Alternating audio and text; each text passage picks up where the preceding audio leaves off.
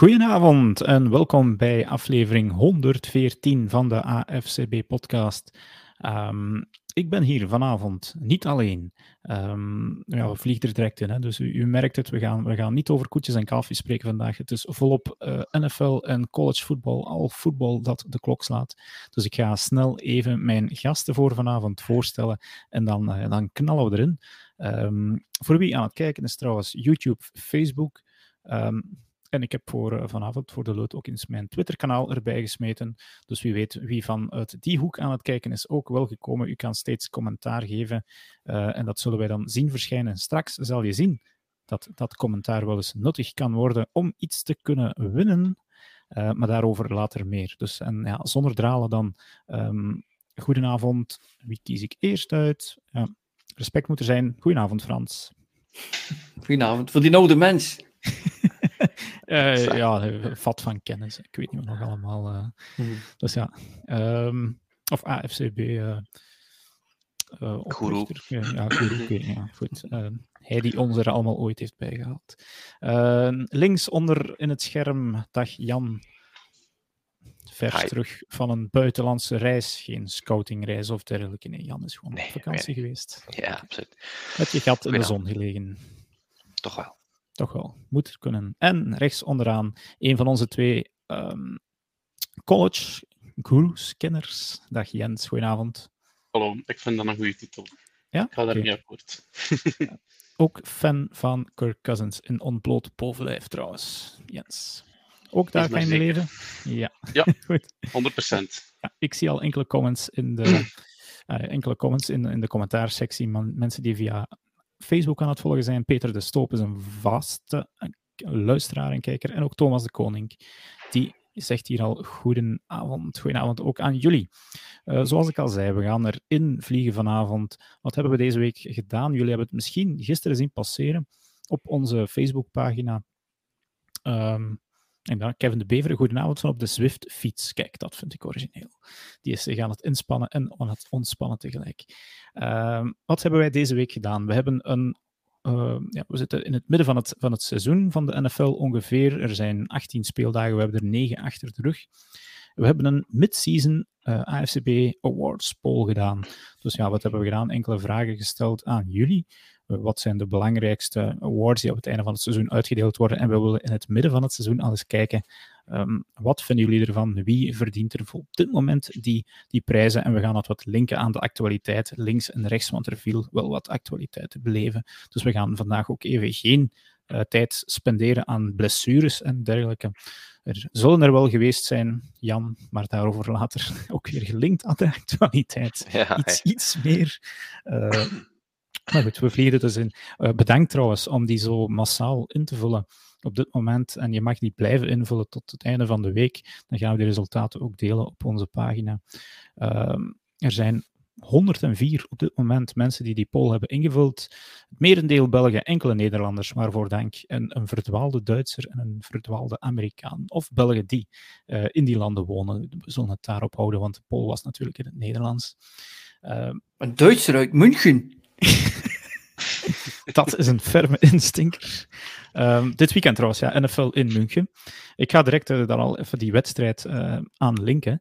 Wij hebben uh, dit weekend, kan u op zondag namiddag in, de verschillende, in enkele verschillende kinepolissen, ik geloof dat het Gent, Brussel, Antwerpen en Hasselt is, kunnen jullie naar de wedstrijd tussen de Tampa Bay Buccaneers en de um, Seattle Seahawks, ik moest even nadenken, kunnen jullie daar op groot scherm gaan bekijken. Uh, voor degenen die er niet naar München konden gaan, want ja, er waren honderdduizenden wachtenden in die, uh, in die wachtrij om daar tickets voor te bemachtigen. Dus daar dacht Kinepolis van, hm, waarschijnlijk is er wel wat vraag om dat ook eens op groot scherm te gaan kijken. En ik moet zeggen, het klinkt redelijk aantrekkelijk. En wij mogen van Kinepolis daar uh, via deze podcast een duo-ticket weggeven. Um, als je onze andere socials in de gaten houdt, dan zie je daar nog enkele wedstrijden. Ga zeker ook eens op TikTok kijken, Instagram en op onze Facebookpagina gaan we ook enkele duo-tickets daarvoor weggeven. Wat moet je doen? Heel eenvoudig. Um, zet in de commentaarsectie wie dat je zou willen meenemen uh, nu zondagnamiddag naar een Kinepolis-vesting. Je mag die vesting zelf kiezen.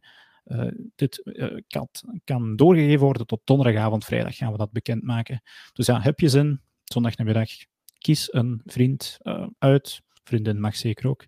Ehm, zet die in de comments en we gaan daar later een naam uit trekken. Goed, de eerste vraag die wij gesteld hebben in onze poll, er waren er elf. En ja, heren, het panel, jullie mogen commentaar geven. Um, is de, misschien de belangrijkste, wie is de NFL MVP tot nu toe? Vorig jaar was dat, en het jaar daarvoor was dat ook Aaron Rodgers. Die stond niet tussen de, de shortlist dit jaar. Um, op, op, dit moment kiest uh, de Vlaming voor Jalen Hurts. Uh, eh, 35% van de luisteraars hebben hem naar voren geschoven als MVP. Uh, ehm, in Las Vegas is Patrick Mahomes op dit moment nog favoriet. Die staat op de vierde plaats hier met 16% van de stemmen. Daartussen nog Josh Allen en zowaar Geno Smith of Eugene Cyril Smith the third. Um, goed, ja. Ik ga het even naar Frans gooien. Wat denk jij, wie zou voor jou de MVP zijn van dit seizoen? En ja, kan je akkoord gaan met het lijstje dat je hier, wie trouwens kijkt op uh, YouTube of Facebook, kan het lijstje bekijken. Kan je met deze lijst akkoord gaan? Of wat denk jij ervan? Ja, ik moet uh, eerlijk zeggen, als ik uh, Tua Tagovailoa zie staan, dat verwondert mij een beetje dat dat nog een serieuze ommekeer is. Maar blijkbaar heeft hij uh, statistieken die uh, historisch zijn, heb ik ergens uh, gezien. Dus ja. kan ik begrijpen dat hij ertussen staat. ik heb zelf voor Patrick Mahomes gestemd. En dat is puur omdat ik wel zie dat Jalen Hurts het goed doet. maar ze hebben nog niet echt grote tegenslag of moeilijke tijden gehad. Ze hebben ook een heel team. Josh Allen die heeft de laatste anderhalve wedstrijd een beetje van zijn pluimen gelaten. Ja, Gino Smith, die trein die zal toch wel eens ontsporen, denk ik. Uh, vandaar dat ik uh, mijn homes genomen, dat ik toch nog wel zie. En het is ook zo weer gebleken uh, deze week dat Mahomes is, is gewoon de gamechanger. Uh, en Mahomes is nu dat type geworden voor mij die Brady al die jaren was. En dat is, als je 11 jaar, 10 jaar nodig hebt in third down, dan haalt hij er 11. Heb je 17 nodig, haalt hij er 19 heb je er 20 nodig, haalt hier 21 met een paas zelf lopen. En dat is nog altijd voor mij uh, de grote verschilmaker. En je ziet, zelfs met het vertrek met Tyreek Hill, heeft heel veel wapens plotseling. Ik, ik schat hem nu, voor dit ogenblik, hoger in als valuable player. Uh, zowel binnen zijn team als in de league dan, uh, dan anderen. Maar dat is mijn mening natuurlijk. Ik ga de vraag even naar Jan kaatsen, want die had, zat natuurlijk in, in, in deze categorie in, in de, ja, het winnende kamp de afgelopen jaren. Met, kon genieten van Aaron Rodgers. Uh, ja, dit jaar is dat wat minder. Uh, Jan, kan jij dan wel leven met hetgeen dat, dat de Vlaming hier zegt, Jalen Hurts en Josh Allen bovenaan in plaats van Patrick Mahomes? Ja, wat, Op dit Frans... seizoen is het natuurlijk, ja. Frans zet een beetje de pedigree er terecht al bij natuurlijk. En ook al een klein beetje projecteren naar deel 2.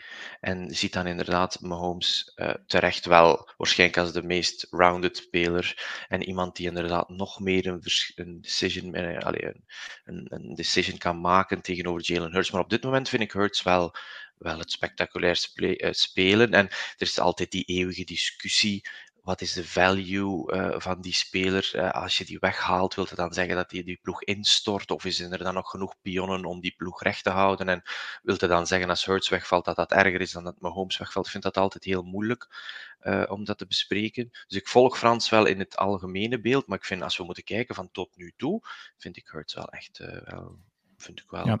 een terechte frontrunner. Uh, Josh Allen heeft inderdaad een klein beetje van zijn pluimen verloren. Ook daar krijgt hij nog veel stemmen, omdat hij uiteraard al veel goede wedstrijden gespeeld heeft. En ook omdat we weten tot wat die in staat is. Terwijl inderdaad bij Gino en Tua is het toch wel what have you done for me? Hè? Uh, zo lately, dat wil zeggen mensen kijken en zien dat die ploegen deftige resultaten of bovenmaatse resultaten halen en geven die dan stemmen. Maar ik vind niet dat die per se MVP's zijn. In die zin dat zet daar iemand anders. En ik denk dat daar wat, wat een drop-off gaat zijn, maar niet per se super, super veel meer. Uh, plus heeft Tyreek Hill toe, wat toch wel uh, een leuk speeltje is gebleken alweer. Ja. Jens, ik ga even over naar jou. Ehm, als we kijken naar de, de leiders in de, de, de National Football League standings gewoon. Dus de ploeg die het meest gewonnen en verloren hebben, dan zien we daar Philadelphia Eagles. Jalen Hurts komt ervoor uh, in deze MVP-kandidaturenlijst. Uh, Buffalo Bills met 6 en 2, Josh Allen. Uh, Kansas City Chiefs um, met Patrick Mahomes. maar het tweede beste team op dit moment in de NFL, Kirk Cousins, die wordt daar niet genoemd. Uh, um, doen, we, doen we hem oneer aan? Het, het, ik moet ook zeggen, er, je kon de andere optie kiezen en dan een, een eigen iemand invullen die je zelf zou willen. En ja, niemand heeft er wel Kirk Cousins bij gevoeld. Maar uh, zou jij hem zelf dat gunnen, of is de, de sterkte van de Vikings eerder het team? Ik denk, um, ik zou zelfs Kirk Cousins niet in mijn top 3 gezet hebben. Ik ja. ben fan van Kirk Cousins, laat, laat mij daarmee beginnen, maar um, ik denk niet dat Kirk Cousins kan aan wat we al gezien hebben van Jalen Hurts en Josh en, en Patrick onder andere. Mm -hmm. um, de sterkte van de Vikings ligt inderdaad in het team. Cousins is een zeer goede QB voor de Vikings op dit moment, um, maar geen MVP. Ja. Oké, okay, dat is een, een, zeer eerlijk antwoord. En ik wil misschien nog eventjes terug uh, naar Frans. Also, ik heb er ook zo wat statistieken op, op nagegaan. Uh, welke quarterback zou volgens jou, misschien een, een, beetje raden, de hoogste quarterback rating hebben van alle quarterbacks in de NFL op dit moment? Tua Tagovailoa. Dat heb je natuurlijk helemaal juist. uh, hij, heeft, hij is zeer efficiënt, heeft 15 touchdowns gegooid, 3 interceptions maar. Um, is ook nog een klein beetje een, een, een rushing threat, alhoewel dat hij daar, daar weinig mee gescoord heeft. Uh, ben je daar als Dolphins van? We hebben het vorige week er al kort over gehad. Op dit moment tevreden mee wat hij daar, daarmee doet met zijn, met zijn wapens Tyreek Hill en Jalen Waddle. Um, maar is hij daarvoor geen MVP-materiaal? Maar ik, ik hoop alleen maar dat hij misschien de weg op gaat die uh, Josh Allen is opgegaan. Uh, in het begin zei men, uh, was, was, was men heel zwart-wit over Josh Allen. Sommigen vonden hem heel goed, sommigen vonden hem gewoon bar slecht. En hij heeft ook dingen gedaan in het begin waarvan je dacht, dit wordt het niet, dit wordt het hem niet. En dan is dat door de hulp van Dayball of wie het ook was, of was het uh, de headcoach, is hij plotseling ontwikkeld tot een van de betere spelers. Het kan best zijn dat uh, Tua, die ook eerst geblesseerd was, en een andere coach, misschien een andere manier van aanpak, dat dit nu plotseling voor hem wel allemaal begint te klikken. En dan kan je maar hopen dat hij vertrokken is voor, voor een lange periode. Dus ik wacht het nog even af. Maar ja, ze hebben toch een paar wedstrijden waarin hij degene was die het eigenlijk moest afmaken. En heeft het gedaan. En dat is natuurlijk uh, het signaal van, een, uh, van, een, van de betere quarterback. Ja. En, misschien, uh, even nog daarop. Um, misschien een vraag van mij naar Frans toe, als, als Dolphins-kenner. wat heeft Tua nog nodig om, om als MVP aanschouwd te worden? Want hij zit, nu, allee, hij zit er nu al on the outside looking in. Maar allee, de turnaround die we gezien hebben bij Jalen Hurts wil zeggen dat we iemand die vorig jaar oké okay was en die plots een topseizoen heeft, dat die kan als MVP aanschouwd worden. Waarom breekt het dan nog bij toe dat, allee, dat we hem nu niet 100% in die top 3 kunnen zetten? Omdat, omdat Tua een degelijke quarterback is met twee top wide receivers. Hurts is een degelijke quarterback met een top wide receiver, A.J. Brown. En Devontae Smith. En Devontae Smith. En bij Allen is het ook zo. Die heeft natuurlijk ook een, eh, een uitstekend uh, uh, receiver. Maar zelf doet hij ook nog heel veel daarnaast. Uh, plays extenden en zelf lopen. Dus ik weet het voorlopig nog niet als, als de resultaten het product zijn van iemand die dicht aanleunt bij de MVP-status. Of als het gewoon is dat hij goed surrounded is. En ja, dat daardoor de successen komen. Ik wil nog één naam even aanhalen. En dat is die andere quarterback die 15 touchdowns heeft en slechts 4 interceptions. Dat is Geno Smith. Die haalt een quarterback rating van 107 tot nu toe dit seizoen. Uh, tot, uh, we kunnen dus nog niet zeggen dat hij aan die drop-off zit. Integendeel, dit weekend ging, gingen ze weer winnen tegen de, tegen de Arizona Cardinals. Jan, jij als ja, seasoned NFL-kenner, sta je daar wat naar te kijken, naar die Gino Smith? Van, is het een toevalstreffer die al, al acht of negen weken duurt? Of ja, zijn we er een beetje naast geweest? Ja, ik denk dat de meeste mensen ernaast zitten en dat maakt het ook schitterend om, uh, daarvoor kijken we naar sport, om geen voorgeprogrammeerde resultaten en, en, en weetjes te hebben. Uh, ik had daar, iedereen had lage verwachtingen. Ik wil niet weten op welke positie de meeste ze hadden gezet. Ik denk echt uh, bottom three van de 32, denk ik, de meeste. Het ging, het ging een eh, verschrikkelijk jaar zijn, ook bij de supporters zelf. En kijk, de game manager die hij is. Uh, het, is, is, is, echt proper, proper voetbal dat hij, uh, dat hij op dit moment aan het spelen is. Dus um, ik had eerst zoiets bij de eerste wedstrijd. Bon, voilà, die, gaat ervoor zorgen dat hij nog wat jaren kan spelen op deze manier, door zich op deze manier positief te laten blijken. Maar komt nu echt naar voren als, als een leader in, zijn, in zijn team. Um, hij krijgt hier terecht wel wat stemmen. Ik bedoel, die, die stats, je mag nooit alleen naar de stats kijken. Er is ook altijd die oogtest, maar bedoel, ja, stats liegen niet. Hè. Als je eindigt met, uh, met maar een aantal interceptions en meerdere double-digit uh, touchdowns, dan heb je gewoon een geweldig seizoen gespeeld. Dus zeker verrast. Uh, ik denk niet dat iemand dit had verwacht. Nee. En vergeet ook niet dat twee maanden geleden dat er nog de discussie was wie zou moeten starten. Drew Lock of hem? ja, correct. Ja. ja. Nu, dus Jalen Hurts staat hier bovenaan. Die is statistisch wel zeker niet de, de, de beste, gewoon als we puur naar de cijfers kijken. Hè. De categorie waar hij wel in uitblinkt, uh, is het aantal interceptions. Daar laat hij alleen uh, Tom Brady en zowaar Daniel Jones, uh, moet ik het zeggen, achter zich. Die hebben, Tom Brady heeft één interception en Daniel Jones heeft net als hem, van de quarterbacks die al meer dan zeven wedstrijden gespeeld hebben, slechts twee interceptions. Um, maar hij rusht wel voor zes rushing touchdowns bovenop zijn 12 passing touchdowns. Um, alleen Josh Allen kan dat zeggen, die haalt vier rushing touchdowns. Um, misschien nog ja, aan het einde van het seizoen. denken jullie dat Jalen Hurts, Josh Allen, ja, Jan, wie zou jij uh, op het einde van het seizoen waarschijnlijk met die MVP zien lopen? Hmm. Ja, uh, ik denk dat uh, we hebben de het is een beetje oneerlijk, want er is inderdaad een mooie meme die zegt dat uh, er is kritiek of lichte kritiek op de Eagles dat, het, uh, ja, dat de tegenstanders wel meevielen en dan zijn er zo'n aantal die terecht zeggen van ja, tegen wie moeten ze spelen, tegen God of weet ik veel. Uh, bedoel, ze gaan nog wel wat pittigere tegenstanders, plus de belangen gaan toenemen, eventueel daar wel de, de, stress. Ik bedoel, in het begin was je redelijk vrij om te spelen en nu verwacht iedereen wel telkens die, die W. Ehm, dus ze gaan wel nog een paar keer verliezen, denk ik. En dat zal dan waarschijnlijk al snel de hoofd... Mahomes blijft winnen uh, en blijft er nog van, van die gekke touchdowns gooien, dan zie ik hem er nog samen met Ellen nog wel het vuur aan de schenen leggen. Maar ik vind het echt koffie te kijken. Het is een beetje chalky. Ja.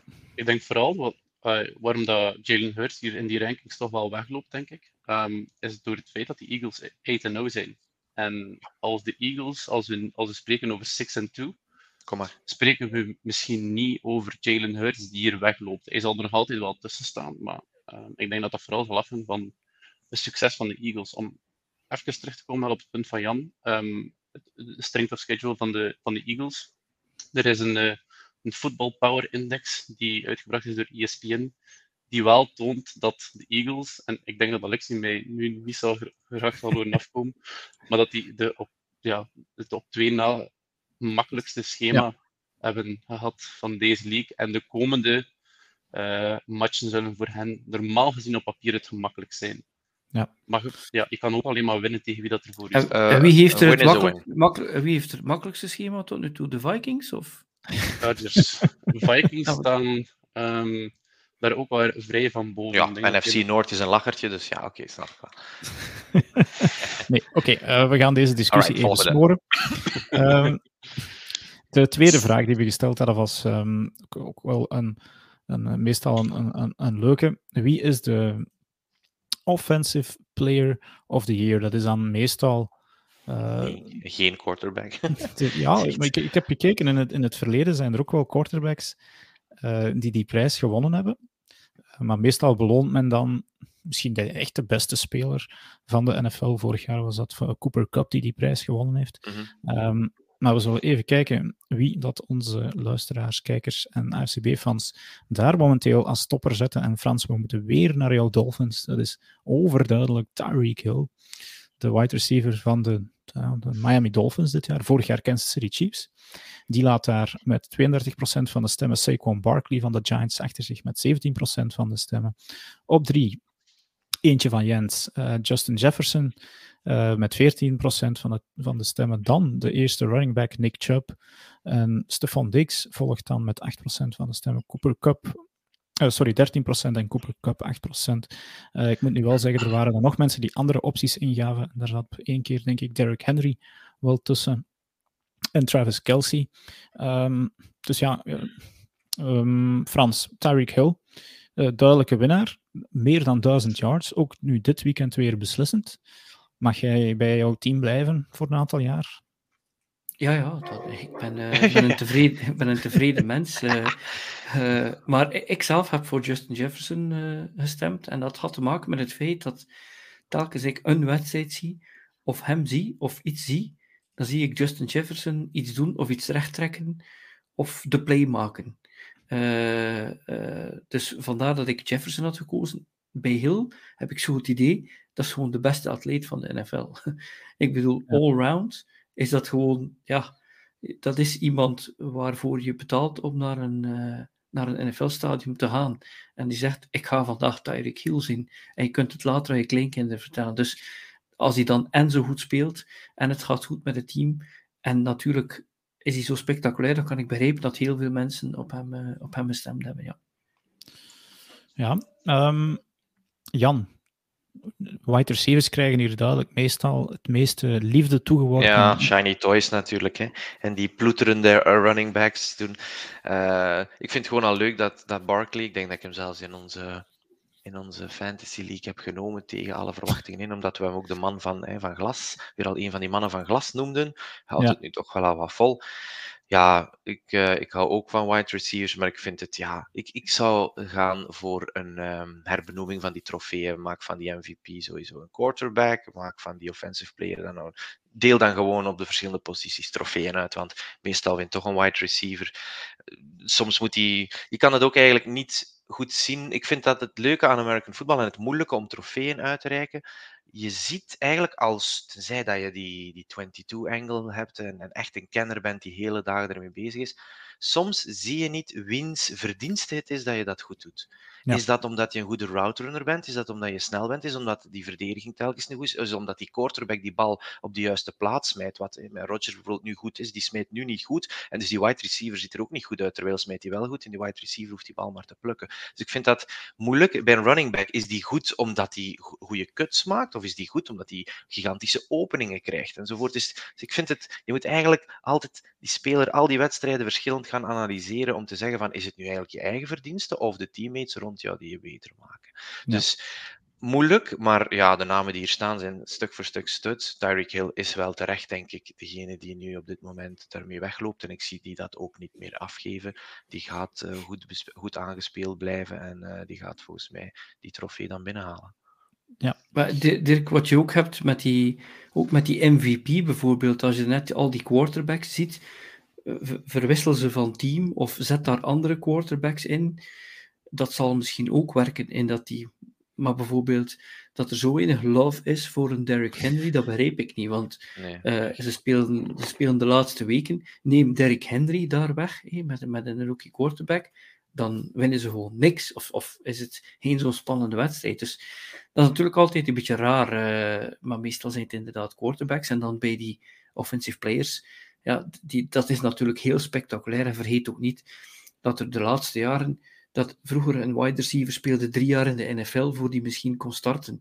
Uh, nu zijn er uh, rookies die in hun eerste jaar uh, naar de Pro Bowl gaan. Dat, dat, dat, is van een, van een heel andere, ja, dat, ja. Is, dat is echt spectaculair tegenwoordig. Vandaar dat die ook veel stemmen krijgen. Nu, ik, ik heb inderdaad Eric Henry hier niet, niet opgenomen in die lijst ook niet met kandidaten. Gewoon, die stond bij Las Vegas ook niet bij de top 6 of 7 um, eerste kandidaten. Dus ik, ik heb me daar een beetje op gebaseerd. Maar toen ik achteraf de statistieken ging op nakijken, er zit maar één running back dit jaar boven de 1000 yards. Dat is niet Saquon Barkley, dat is niet Nick Chubb, niet Josh Jacobs. En dan bedoel ik totale scrimmage yards. Um, dat is Derrick Henry. Mm -hmm. En dus eigenlijk wordt hij hier ja, een beetje gesnupt. En, en, ja, de Belgische AFCB-invullers van een pool, dus laat ons hopen.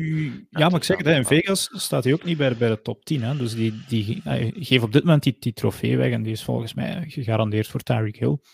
Uh, persoonlijk vind ik dat Stefan Dix misschien nog een trapje hoger had mogen kunnen staan. Want die is, die is zo belangrijk voor Josh Allen.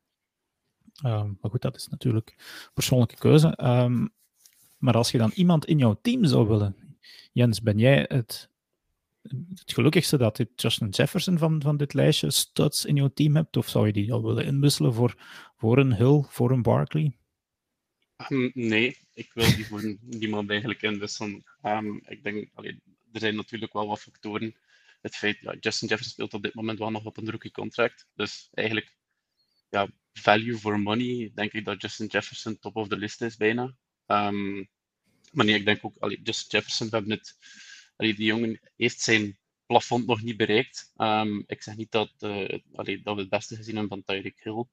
Um, die heeft getoond wat hij kan, maar ik denk dat voor mij de highest ceiling hier in deze lijst is misschien Justin Jefferson. En dit jaar spreken we misschien niet over Offensive Player of the Year, maar misschien volgend jaar. Of ja, misschien maar dat is dan eerder een college stukje. Um, als er een andere quarterback komt bij de Vikings, denk ik dat we dan misschien wel spreken over Offensive Player of the Year. Dus ja, ik denk... is, dat, is dat nodig, Jens? Is dat nodig? Je hebt um, ik... Ja, wel... blote man. nee, ik, ik denk dat er andere mogelijkheden zijn met een andere quarterback voor Justin Jefferson. En uh, Justin heeft nu uh, al, al, redelijk wat productie. Het is wat minder geweest in de laatste games wel. Um, qua yardage en receptions. Um, zeker omdat hij ook moet delen met Adam Thielen. Um, maar ik denk met een andere quarterback, misschien een jongere quarterback, pass happy, denk ik dat we Justin Jefferson top of the list zien. En ja. dat zien we wel bij de, bij de andere receivers hier op deze lijst. Tyreek Hill en Stefan Dix, ja, die krijgen ja, die type bal wel gemakkelijker. Oké, okay. ik, ik moet zeggen, bij de, degenen die anderen ingevuld hadden, viel mij één, na, één, naam op. En ik weet niet of die echt in deze categorie thuis hoort. Maar uh, Jan had het dan van mannen die het mogelijk maken dat hij daar loopt. En Tristan Wirfs werd genoemd als, uh, als kandidaat. Dus dat is een, een office and fly man van de, de Buccaneers, is het zeker. Hm. Dus ja, die mannen worden dan, maar die, die zullen wel hun, hun, eigen award voor de positie hebben ergens. Maar in, in echte offense, ja, die, die zijn tweede belangrijkste, vaak na de quarterback. En die, die kunnen zo'n prijs, zo'n prijs meestal op hun buik schrijven. Uh, Jan, nog één naam die ja, jaren na elkaar in dit lijstje voorkwam, maar dit jaar niet meer, Devante Adams. Mm -hmm. Nu, ja. natuurlijk bij de Las Vegas Raiders. Uh, is, is cijfermatig nog altijd wel, wel redelijk.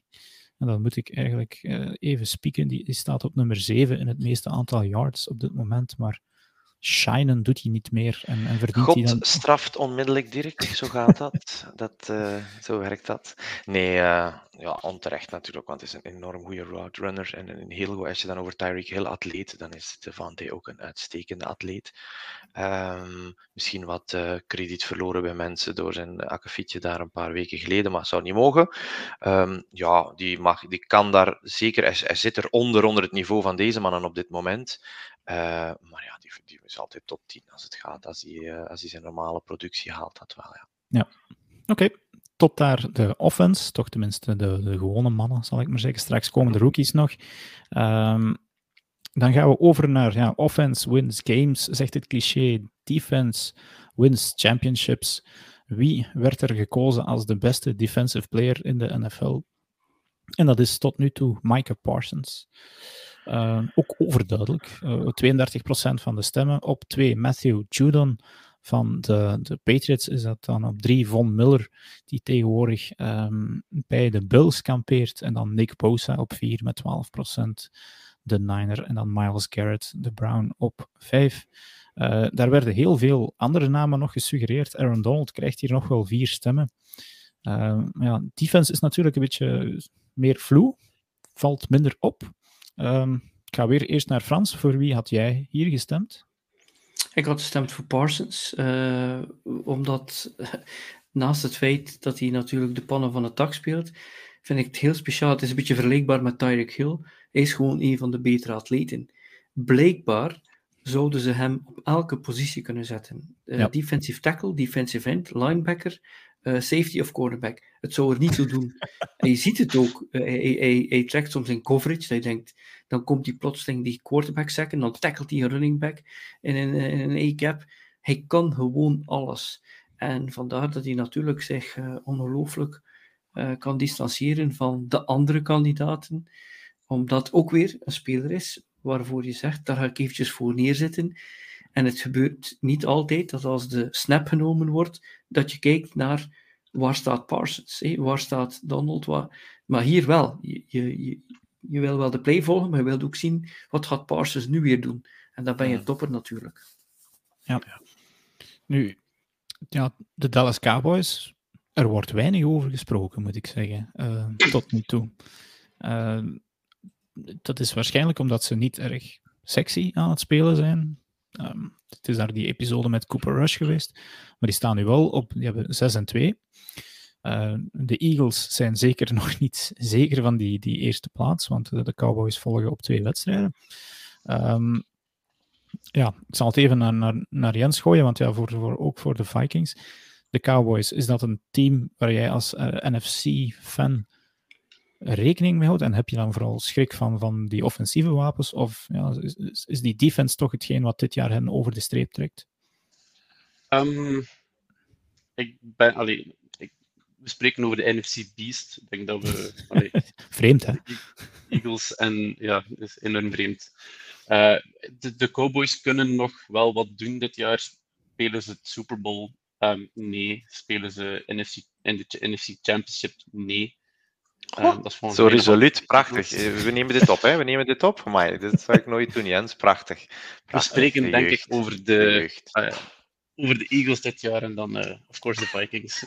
nee. Um, volgens mij kunnen de Cowboys natuurlijk wel nog wat doen. En het zal zijn, inderdaad, zoals dat je zei, defense wins championships. Um, dat zal ook dit jaar vooral zo zijn, denk ik, bij de Cowboys. Dat, dat die verdediging hen over de streep zal trekken wanneer het het moeilijkst van alles. Natuurlijk dat zijn twee. Natuurlijk ook niet de winst tegen, wel tegen een paar goede teams, maar ook onder andere tegen de Rams, tegen de Commanders, tegen de Lions, tegen de Bears. Dat zijn niet ploegen waar ik omver van val. Ja, nee, oké, maar toch. Als ze, zijn zelf als divisie zo sterk, dus ze hebben al wel tegen veel mensen uh, gewonnen. Het moet wel zeggen, het was een categorie waar heel veel uh, andere opties werden gegeven. Uh, zeven mensen gaven een andere naam op. Ik ga ze even opnoemen. Ook Chris Jones, Roquan Smith, die dus uh, verhuisd nu is naar de Eagles? Ravens? Ravens, ja. Sorry, ik was uh, die andere het verwarren. Fred Warner krijgt ook nog een stem. Sauce Gardner, die komt straks zeker nog terug.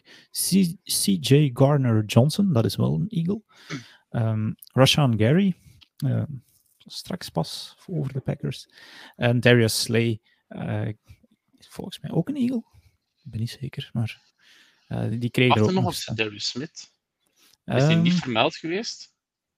Ik, ja, ik heb hem in ieder geval niet in, in de, de shortlist gezet. Hoeveel seks heeft hij al, die showman? 8,5. Echt? Ja, ja. ja. Dacht, ja, het laatste was 8,5, dacht ik. Um, ja, klopt. Dan, uh, ja, kijk, die kreeg, er, die kreeg er deze week ook een, een gameball van Kevin O'Connell, heb ik nog gezien. Dus ja, het, het, het, het hebben die, ja, oké, okay, één van de vijf, maar goed. Uh, zijn ze van die ja, defense, het valt, het valt minder op, maar het is, het is natuurlijk ook zo belangrijk uh, voor, jullie, voor jouw team. Als zonder defense ja, staat je offense de hele tijd op het veld. En, ja. Um, goed, volgende categorie. De Offensive Rookie of the Year. Dan moet ik eventjes uh, naar, mijn, naar mijn lijstje gaan. Even een gokje, heren. Wie denken jullie dat daar op één staat. Niemand durft te oh, gokken. Moeten we nog gokken doen, maar dat het op het scherm staat? nu staat het op het scherm natuurlijk. Het is... Break London, klopt het? Nee. het is Ken Walker. Uh, nu, ik weet niet. Uh, Jens, is dat recency bias dat Ken Walker hier, hier staat? Um... Um, volgens mij wel. Um, dat is ook wat ik gelezen heb in de research. Dat we vooral Ken Walker hier van boven aan de lijst zien door de recency bias. Maar meer details kan ik jullie ook wel niet geven. Ik, ja, ik, ik, heb hem nog niet echt gevolgd dit jaar. Ja. Heb je hem vorig jaar wel goed gevolgd bij Michigan State? ook niet. Eigenlijk, dit jaar ben ik vooral zeer intens beginnen uh, college volgen. Vorig jaar was het nog niet echt. Uh, ieder team natuurlijk, ja, Kenneth Walker had er natuurlijk al van gehoord. Um, maar dan niet meer verder gevolgd in de NFL. Ja. Nu, we komen straks nog eventjes naar jou terug. Um, ik ga even het lijstje nog overlopen. Ken Walker haalde 38% van de stemmen. Damian Pierce, de running back van de Texans, 23%. Chris Olave, de wide receiver van de Saints, uh, 16%. Garrett Wilson van de Jets, 15%. En dan Drake London uh, van de Falcons nog 7%. Um, ehm, Frans, ik kan mij vergissen, maar is het niet echt een geweldige weelde aan offensieve rookies dit jaar? Ik vind het wel. Wel, juist. Oké. ja, ja. Ik, wat je hebt is uh, teams die draften. Uh, als je iemand draft in de eerste ronde, dan is de verwachting dat hij ook speelt. Uh, is het niet de eerste week, toch zeker na een week of drie, vier en al een, een major contributor is en hoge verwachtingen. Um, dit is hoe het nu is. Vroeger was dat anders. Vroeger konden mensen rijpen en was er ook veel minder weg en weer gereisd tussen teams. Um, wat ik wel weet is dat de verwachting dat running backs het tamelijk goed doen het eerste jaar, ja. dat zit er wel dik in, omdat dat voor hen eigenlijk een beetje hetzelfde is. In college werden ze uh, gebruikt om dat te doen en nu moeten ze onmiddellijk weer instappen. Dus het feit dat ze goed zijn het eerste jaar, dat lijkt logisch. Van receivers vind ik dat nog altijd uitzonderlijk. Wat uh, Olave doet, wat Wilson doet, ik vind dat wel heel speciaal. Dus ik vind eigenlijk wel het aantal die hier staat niet slecht, omdat er natuurlijk heel veel in de eerste ronde ook defensive players zijn, of offensive tackles, of ja, regelmatig quarterbacks, dit jaar veel minder. En ik denk dat inderdaad Walker daar staat wegens recency bias.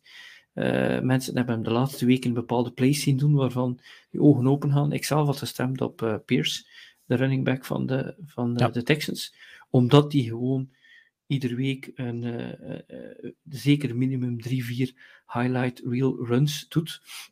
En dat hij ook eigenhandig de Texans af en toe in wedstrijden houdt. Ja, opvallend, geen quarterbacks dit jaar. Normaal gezien is dit ook een, een quarterback-lijstje.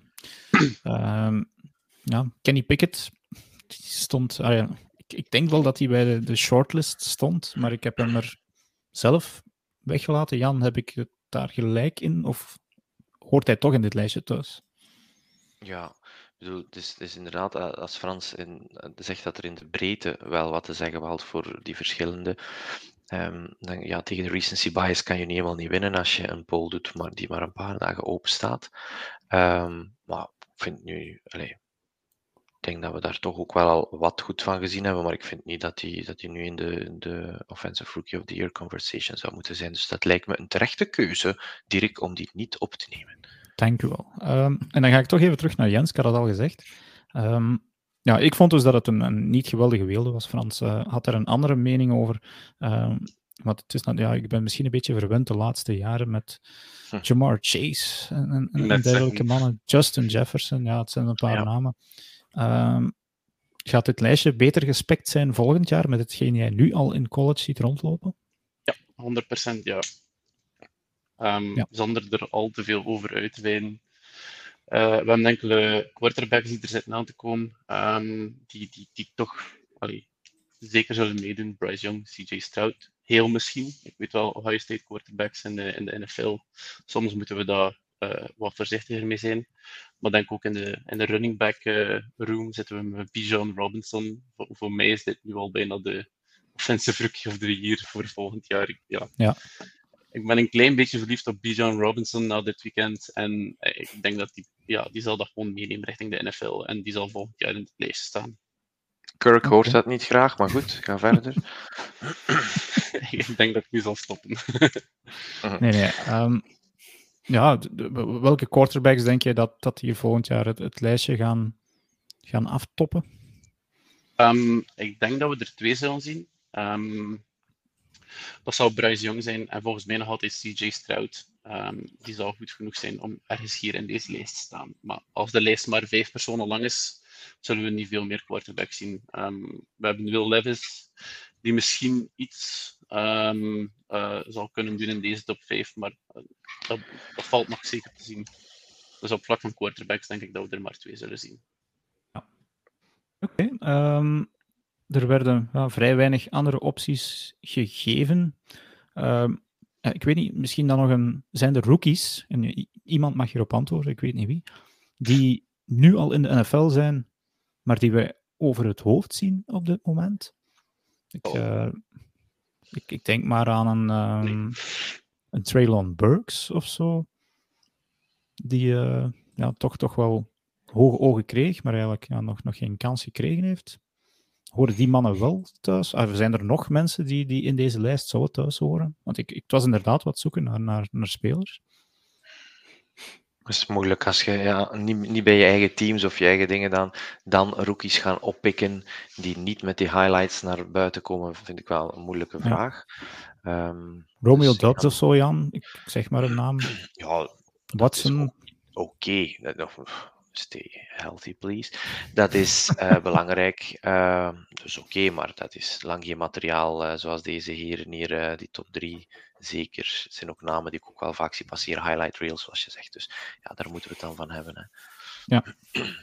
Nee, oké. Okay. Um, dan de volgende categorie. Ik zal maar ineens erbij halen na de offensive rookie. De defensive rookie of the year. Um, ik denk dat dit zo wat de meest duidelijke overwinning was. Dat was... staat er ook echt wel. Dat is echt ongelooflijk. Ik vind dat wel opvallend. Officieel heet hij ah, ah, Ahmad? Ik weet het niet. Ahmed, waarschijnlijk. Ahmad sorry, ik kom net Maar het is natuurlijk veel toffer om het over Sauce Gardner te hebben, de cornerback van de New York Jets. Ik heb een vraag voor Frans daarover. Direct als ik mag. Ah ja, doe maar, doe maar. Eh, Frans, hoe straf is het dat je op die, sorry, op die positie eigenlijk van dag 1 mee bent, uh, wetende hoe intelligent NFL quarterback, uh, quarterbacks zijn enzovoort. Is dat, uh, is, dat, is dat speciaal of is dat normaal? Ik heb, ik heb het nog maar één keer gezien. En het was met Nian Dion. Ja.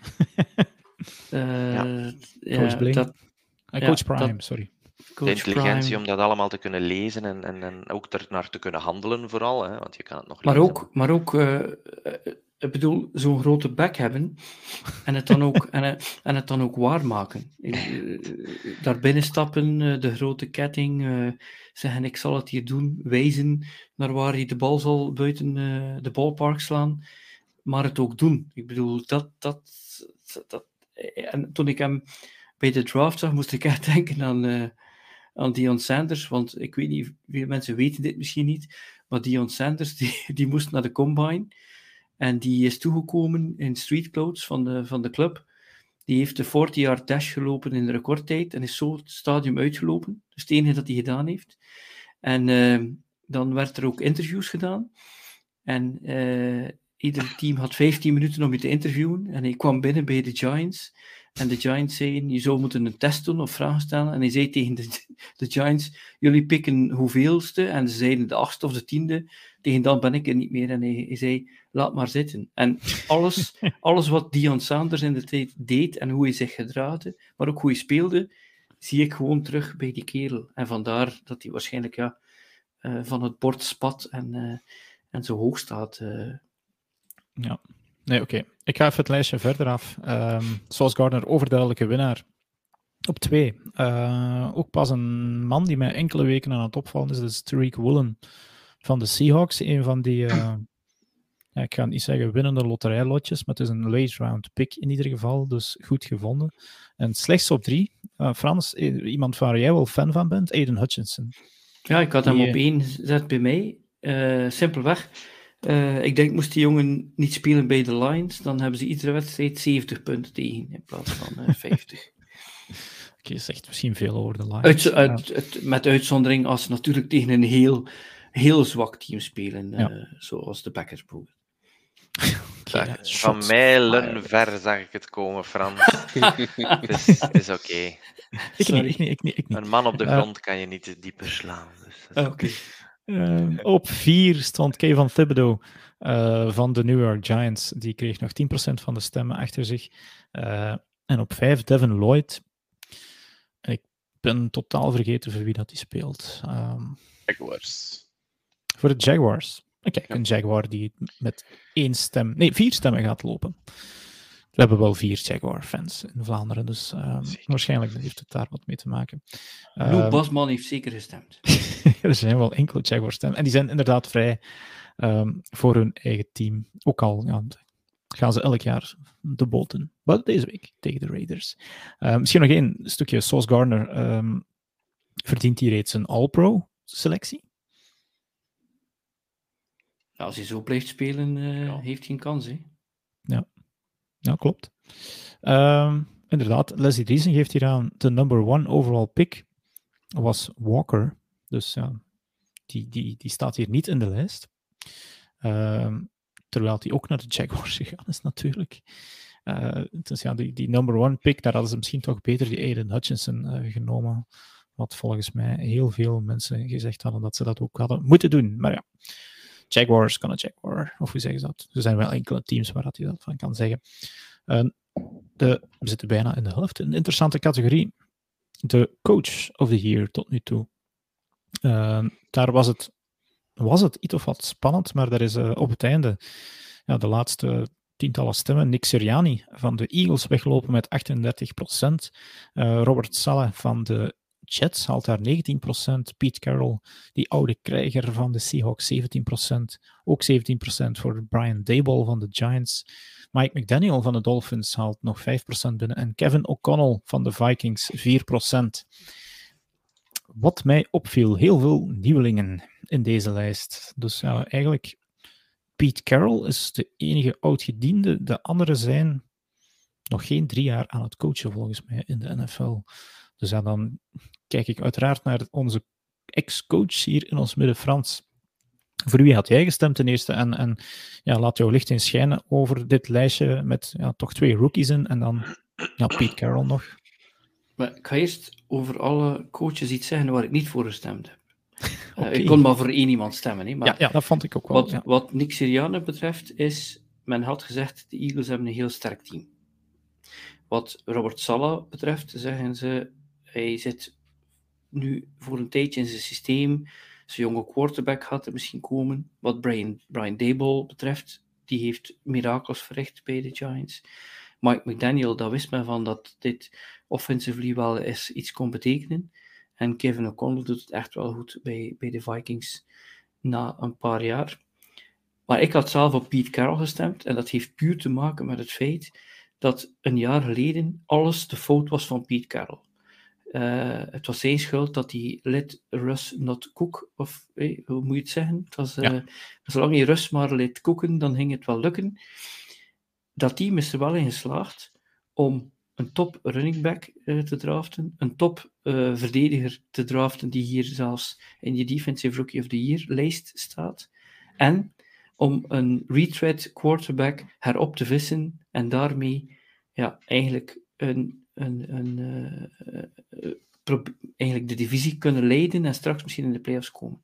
Dus daarom heeft hij mijn stem gekregen. Ja.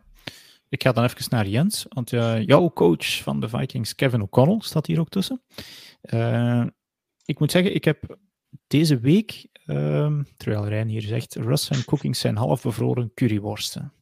Niet smakelijk. Geen compliment. Uh, maar goed, Jens. Uh, Kevin O'Connell. ik, ik, ik, zag hem die, uh, op de, de Instagram van de Vikings, die, die, ja, die speech die hij gaf na de overwinning tegen de Commanders, was het zeker.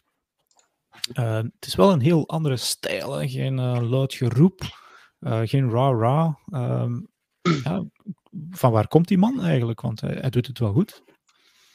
Um, wel, ja, ik, ik ben zeer tevreden met Kevin O'Connell. Laat, laat mij daarmee beginnen. Ik denk dat hij vooral boven verwachting um, presteert. Ik denk dat we het in de season preview van de Vikings ook hebben gezegd dat dit, dit team kan wel iets, maar laat ons rustig blijven. Um, dus op dat vlak ja, kunnen, kunnen we zeker niet zeggen over Kevin O'Connell. Het enige waar ik mij een klein beetje aan stoor, is dat het af en toe te spannend is. En, uh, Oké. Maar jullie kikker trapt ze er dit jaar wel door, hè? Dus, uh... um, ik doe daar geen uitspraken over, ik geloof in de Jinx.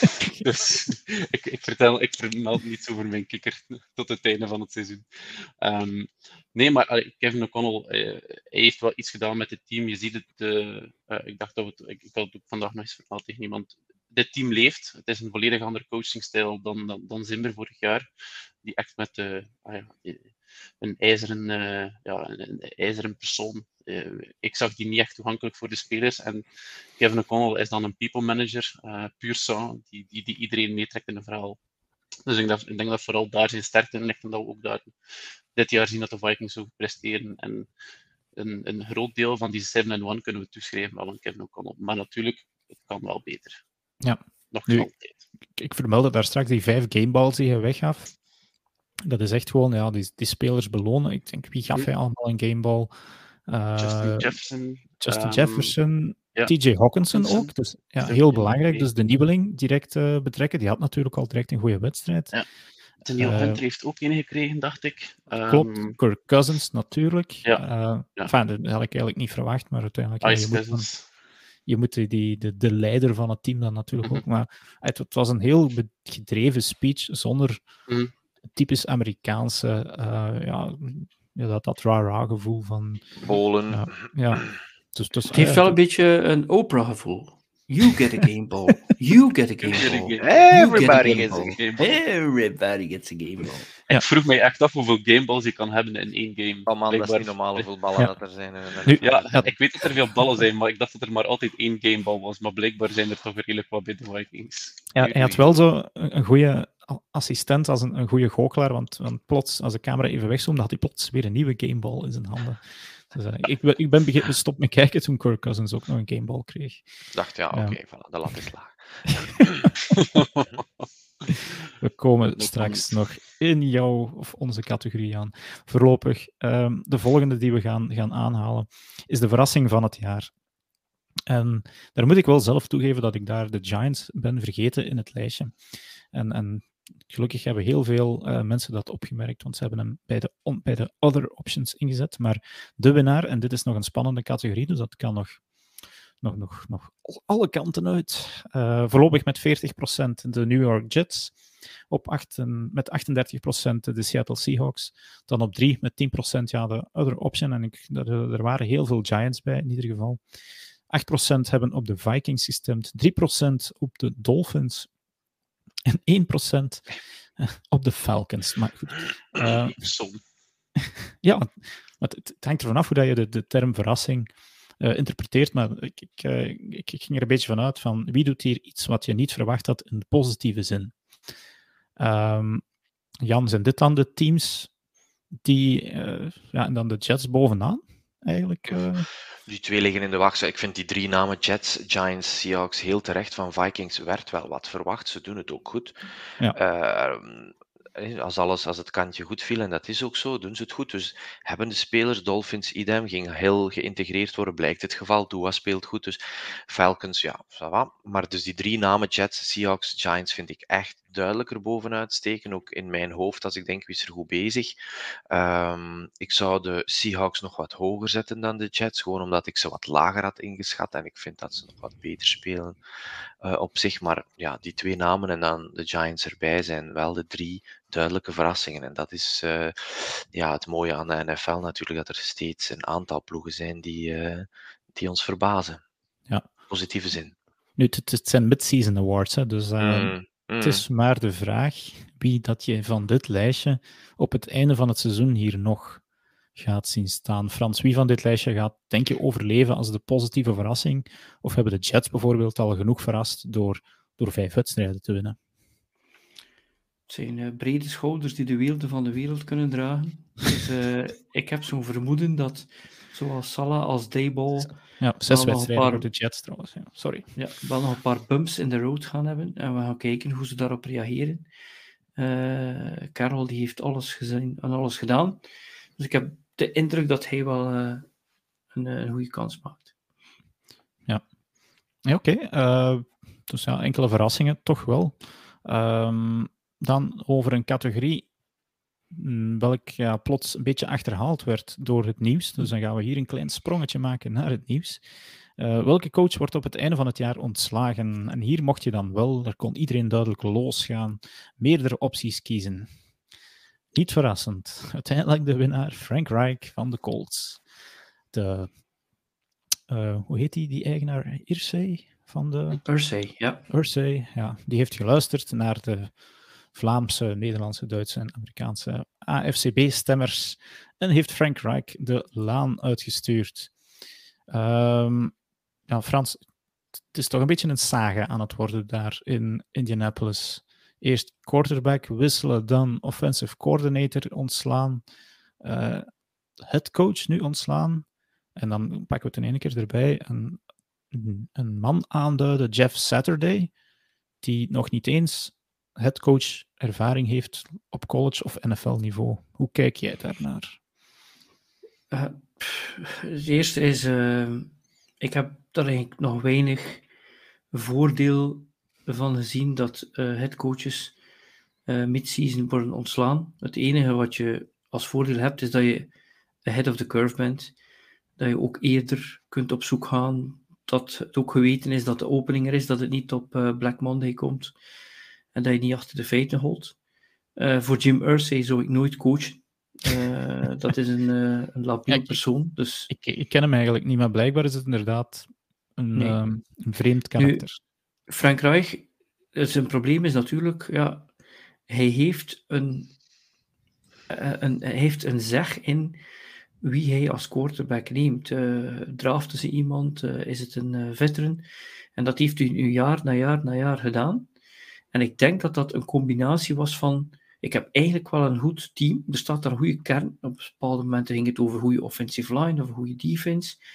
En ik ben eigenlijk wel een hele goede coach. Dus als ik een serviceable quarterback heb, dan ga ik dat wel dat lukken en over de hump raken. Dat lukte even met Rivers, maar daarna is het eigenlijk niet zo goed gegaan. En die Ursay die heeft gewoon geen geduld genoeg gehad uh, om dat te, te, zien keren of te doen keren. En dat is spijtig, want uiteindelijk, ik denk dat Frank Reich geen slechte coach is. Nee. Ah, Jan, um, wat denk jij ervan, van Frank Reich, het ontslag daar? Uh, is, het, is het een tankjob nu, denk je, voor de Colts? Oh, ja, dat weet ik niet, maar uh, ja, hij heeft dat inderdaad, eh, Frans heeft het eigenlijk goed uitgelegd natuurlijk, als je dan uh, met je quarterbacks daar wat in de, in de rat zit, de ene proberen, de ander proberen, uh, dat helpt natuurlijk niet. En wat vooral niet helpt, is dat je een ongeduldige eigenaar hebt, of een eigenaar die niet op de juiste manier naar het spelletje kijkt bij tijden. ik, ik zou Hackett gekozen hebben als je, als je het mij vroeg. Ik vind dat hij wel al een paar rare dingen heeft, ja. heeft, uh, heeft beslist dit jaar. Dus die vind ik gewoon minder goed. Hij komt van Green Bay. Uh, vind ik een minder goede coach dan, dan Frank Reich. Uh, Reich is inderdaad door de omstandigheden, een aantal keuzes, het, het, slachtoffer geworden. En in tegenstelling tot in gewone voetbal geloof ik inderdaad ook niet dat dat veel kan doen. Het is toch altijd ook maar, het is toch wel ik heb de indruk dat in, in American football de spelers toch nog meer het verschil kunnen maken. Uh, soms dan in gewone voetbal. Ja. En dus ja, dan, dat de coach dan soms less to blame is. Alhoewel, kan voorbeelden nu, genoeg geven. Het, hetgeen dat ja, natuurlijk die, nodig is. Ja, zeg maar Frank. Uh, uh, en die, je, je, had een dubbele vraag gesteld, wat die Jeff Saturday betreft. Ja, daar val je eigenlijk bijna van je stoel van. Hè. dat is iemand die vanuit, die, die, die heeft vanuit de media... Studio. Ja, die heeft vanuit de media nog maar net gezegd uh, uh, dat de, de, Raiders suck en hij moet volgende week tegen de Raiders spelen als headcoach. Dus ik denk dat Ursay gezegd heeft, ik ga hem een cadeautje doen. Maar uh, je, je, moet je wel afvragen, je hebt mensen die dus 24 uur of 24 uur daar samen zitten, die een team gebouwd hebben tezamen.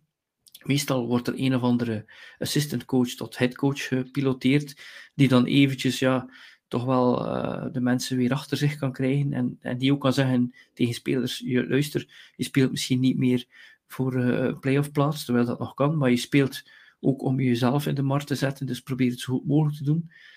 Maar nu komt daar plotseling een volledig nieuwe persoon, die natuurlijk wel gekend is bij de Colts, dat is geen probleem. Maar die, dat, dat coach zijn, dat assistant coach zijn, dat head coach zijn, dat is een hele manier van leven. Dat is een volledige week die je moet indelen en waar bepaalde manier, dingen moeten gedaan worden, waar ook bepaalde beslissingen moeten genomen worden, waar je voor de media moet staan, waar plotseling moet je van alles doen. En het is bijna niet te bevatten dat iemand die speler geweest is, dat nu zomaar had kunnen doen en dan ook nog eens performen. Vind ik heel verrassend. Nee, volgens mij is het een, een, een klaar duidelijke tankjob. Iemand aanstellen die eigenlijk... Die had, twee jaar geleden had hij een high school coaching job en daar was hij 3 en 7. Dat was zijn laatste coachingervaring. En nu komt hij daar in die professionele uh, miljardenorganisatie binnen en die moet het daarover zeggen hebben. Ze hebben wel deze avond iemand gevonden die ooit al in place gecalled zou hebben, want die hadden ze dus eigenlijk gewoon niet meer, want de offensive coordinator was ook ontslagen. De assistant quarterback coach zal zondag tegen de Raiders um, de place callen. Dus uh, begint toch wel een... specialist. Ja, een beetje een clusterfuck te worden. Specialist? Als, uh, ja, pass game specialist. Passgame specialist. Ja, okay. Als Jeff Saturday ook nog ging spelen, sprak over de Vincent ja. Company van de NFL. Oké. Okay. Uh, ja, nee, Frans, ik was echt aan het, aan het uh, er bijna mee aan het lachen van, ja, kijk, ze hadden bijna even goed uh, jou kunnen bellen. Uh, op ik heb ook nog Madden gespeeld, dus misschien als we ook nog geïnteresseerd zijn in, in mijn experience. Ja. Nee, ja, mij is het gewoon volgens mij oké okay, tegen die Jeff Saturday van okay, ze kennen die binnen de club. Uh, als ze die op het einde van het jaar moeten afserveren en met een paar miljoen, dat zal hij volgens mij niet erg vinden.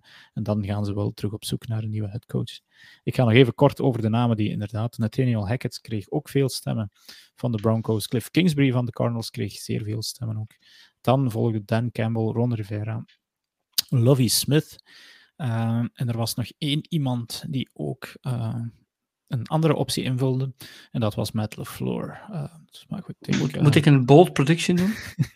dat ja. die, iedereen uit die lijst weg is op het einde van het jaar? Nee. Dat, nee. Stel dat het nu toch nog beter gaat met de Lions. En ze gaan geen playoffs halen, maar toch nog een degelijke record. Ik denk dat Dan Campbell zelf zal stoppen. Oké. Okay. Ja. Dat is een bold prediction, inderdaad. Die man was, uh, ik zag die man zondag, die was op.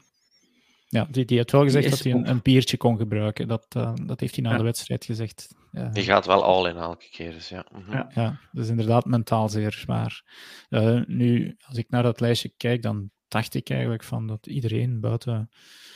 Ja, ik denk dat Dan Campbell inderdaad niet ontslagen gaat worden, want ja, wat hebben ze hem gegeven? En Lovie Smith, of de Texans nu nogmaals een coach na één jaar al zo ontslagen, dat lijkt me sterk, maar ik zie ze het en toch weer zomaar eens doen. En met, ik denk dat Lovie uh, Smith wel het einde van het seizoen haalt hoor. Die zal. Uh, ja, ja, het einde van het seizoen, maar wie, wordt er het einde van het jaar? Dus ja, op, op Black Monday daar. Wie, ja. Maar het is ook al niet van de jongste, denk ik, hè, Lovie Smith. Dus, um, goed. Um, en met die steek naar Matt LeFleur komen we naadloos bij de tegenvaller van het jaar. En daar met vlag en wimpel de Green Bay Packers als um, overwinnaar. Ik ga het lijstje even af en dan gaan we het erover hebben. Russell Wilson apart als uh, tegenvaller met 28% van de stemmen gevolgd door de Tampa Bay Buccaneers. Dan de Las Vegas Raiders. Dan een, een heleboel uh, varia, waarbij ik zeer terecht de Los Angeles Rams vergeten was. En als laatste de rookie quarterbacks.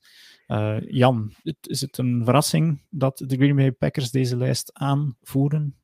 Nee, eerst even kort. Ik vind het jammer en het geeft ook wel aan uh, in wat voor een maatschappij dat we leven. Je weet, ik heb graag maatschappijkritiek, soms moet het kunnen. Hoe kan je nu rookie quarterbacks, mannen, geeft die toch wat tijd. Jullie verwachten dat elke speler op het veld komt van college en plots de pannen van het dak speelt. Zo werkt die sport niet. Ik denk dat je alleen maar kan begrijpen als je die sport ooit gespeeld hebt, wat ik dan nog niet heb gedaan. Ik vind dat compleet bullshit dat je rookie quarterbacks als tegenvaller. Uh, je wil niet weten welke megasterren er het eerste jaar gesukt hebben van hier tot in Tokio, om dan nu allemaal in de GOAT conversation te zijn. Dat gezegd zijnde, lijkt het me zeer terecht dat de Green Bay Packers, die overal nog altijd top 5 tot 7 werden geschat, dat die ongelooflijk underperformen op alle gebieden van Rodgers tot de safeties. Uh, dus er valt niet veel van te zeggen. Met als eerbare tweede inderdaad Russell Wilson en de Buccaneers. Ja, dat, ik had het wel verwacht dat het minder ging zijn met de Buccaneers. Het is wel een heel pak minder. Uh, maar ja, een overduidelijk, uh, overduidelijk seizoen dat zout gaat. En we helaas nog een jaar zullen moeten extra aan toevoegen wegens de financiële situatie. De contractsituaties. Ja, daarover later misschien meer in mijn Dirks Digs. Um, nu, degene die ik dus vergeten was, de LA Rams. Frans, als, als verdedigende Super Bowl winnaars, is, is dat misschien toch niet de grootste tegenvaller die tot nu toe een, een record hebben van 3 en 5? en... mensen, vergeten, mensen vergeten ook dat ze all-in gegaan zijn. Uh, dat ze geen uh, picks nodig hebben. En, en dan zijn ook een paar spelers die er niet zijn. Van Miller is er niet bij. En je begint ook wel te zien dat die arm van, uh, van Stafford, die begint langzaam eraf te hangen. Uh, wat ik wel nog ook vragen aan, aan, aan Jan is, we, we, weten dat er op een bepaald moment dat uh, Brady telken malen in zijn carrière uh, zijn contract heeft aangepast om caproom te maken en om ervoor te zorgen dat er meer spelers zijn. Heb, ik heb het gevoel dat er twee dingen spelen bij de Packers.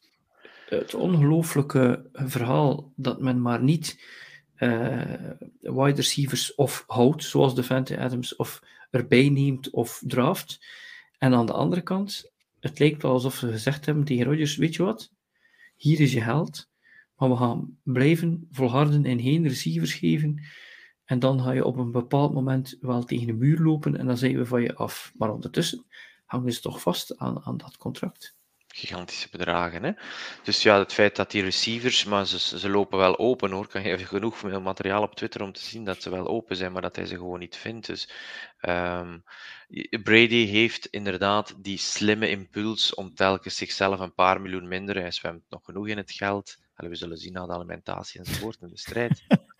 van overblijft, want zijn vrouw is rijker, maar, of ex-vrouw bijna. Maar uh, wat Rogers betreft, inderdaad, er, zit, er is echt. Uh, ik weet niet door welk soort mensen dat hij wordt omringd. De, laatste jaren zit hij duidelijk eigenlijk niet zo goed in zijn vel, waardoor dat hij allerlei rare dingen moet doen. Blijft een fantastische speler. Um, maar hij heeft inderdaad gekozen om zich te laten eren. En waar voor mij de grootste mismatch in heel deze organisatie zit, is dat je een coach hebt die kleiner is dan je quarterback. Die niks, maar dan ook niks daar durft tegen zeggen. Die uh, toelaat dat hij die tantrums blijft hebben, die al van, van dag één dit seizoen veel mensen opvallen. Veel spelers waarschijnlijk ook niet leuk vinden om dat elke keer onder hun voeten te moeten krijgen, terwijl dat hij zelf de bal te laag, te hoog, te weet ik veel schijnt. Dus er ligt wel heel wat blame aan de voeten van Aaron Rodgers, maar laat het duidelijk zijn dat nagenoeg alle spelers uh, underperformen. En we zijn dus inderdaad, we zitten met dead cap. Als je, zelfs als hij met pensioen gaat, Aaron Rodgers, denk ik dat we nog 37 miljoen of zo moeten leggen. Ja. Dat is een van de gunstigste scenario's. Um, dacht ik inderdaad dat hij met pensioen zou gaan. Um, Ursay bellen, hè? Even naar Ursay bellen, wat denk je, man? Indianapolis. Ik, ik kan hem niet cutten, want dan, dan zit je met een dead cap van 99 miljoen, dacht ik. Uh, dus goed, ja, waarom, waarom, zou je dat ook doen? Maar het is geen goede situatie op dit moment. Uh, maar kijk, Russell Wilson.